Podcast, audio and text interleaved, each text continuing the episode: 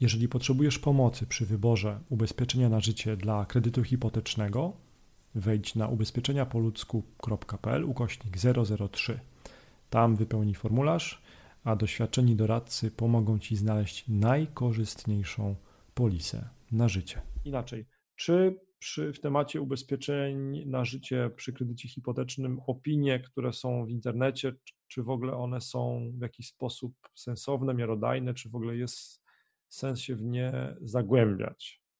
Mm, jakbyś mógł sprecyzować, e, jakie opinie masz na myśli, czego dotyczące, czy, czy nie mhm. wiem, czy towarzystw ubezpieczeniowych? Tak, tak, towarzystw ubezpieczeniowych. Tak, bo wiesz co, no, na wielu forach można znaleźć opinie um, ludzi różnych. Czasami się użytkownicy podpisują pod tymi opiniami imieniem i nazwiskiem, czasami nie.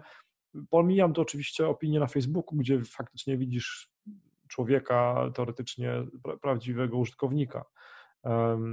Natomiast, no, no bo wiesz, dotknęliśmy tematu tych kalkulatorów przy ubezpieczeniach na życie, e, też zawierania e, przez proces online'owy, natomiast no jakby ten Jan Kowalski, kiedy zaczyna jakieś e, wyszukiwanie informacji o ubezpieczeniach na życie pod kredyt hipoteczny, no to siłą rzeczy natrafi na różnego rodzaju opinie.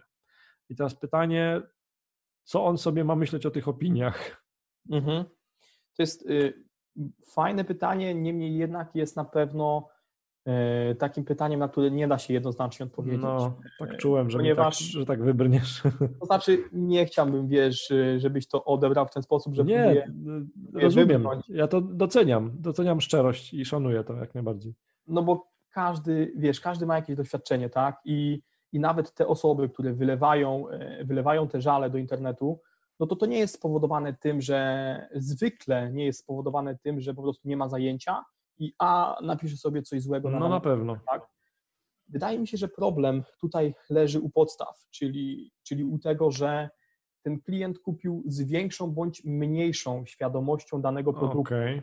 Nie do końca wiedział, co ma w tej polisie, a czego żąda finalnie. I mogła być taka sytuacja, że po prostu dane zdarzenie nie było ochrone y, i nie było objęte ochroną ubezpieczeniową, co też y, przyprawiło o to, że nie było wypłaty odszkodowania. I jeżeli ja bym coś kupił tak, powiedzmy, nie wiem, idę do salonu, y, kupuję sobie nowy samochód, tak, 2020 rok, wyjeżdżam i nagle orientuję się, że ja nie mam że ja nie mam nawigacji, tak? Rozumiem.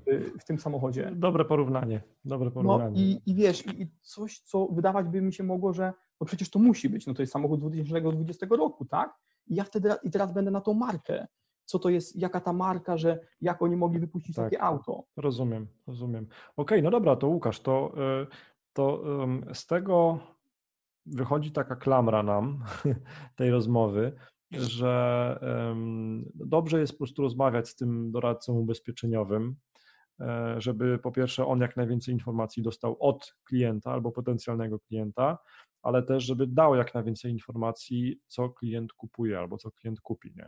Jasne, ja bym Marcin też tutaj e, jeszcze tak e, postawił taką kropkę nad tym, co powiedziałeś, że przy umowie inaczej, biorąc kredyt hipoteczny, decydując się już na niego, powinniśmy w taki sam sposób podejść do analizowania umowy ubezpieczenia do tego kredytu, co analizowania umowy samego kredytu. O, to naprawdę fajnie. jest, Złota naprawdę jest wiesz, to naprawdę jest zabieg jednorazowy. Fajne. To każdemu się wydaje bardzo czasochłonne, natomiast weźmy pod uwagę to, że my to robimy raz na 30 lat.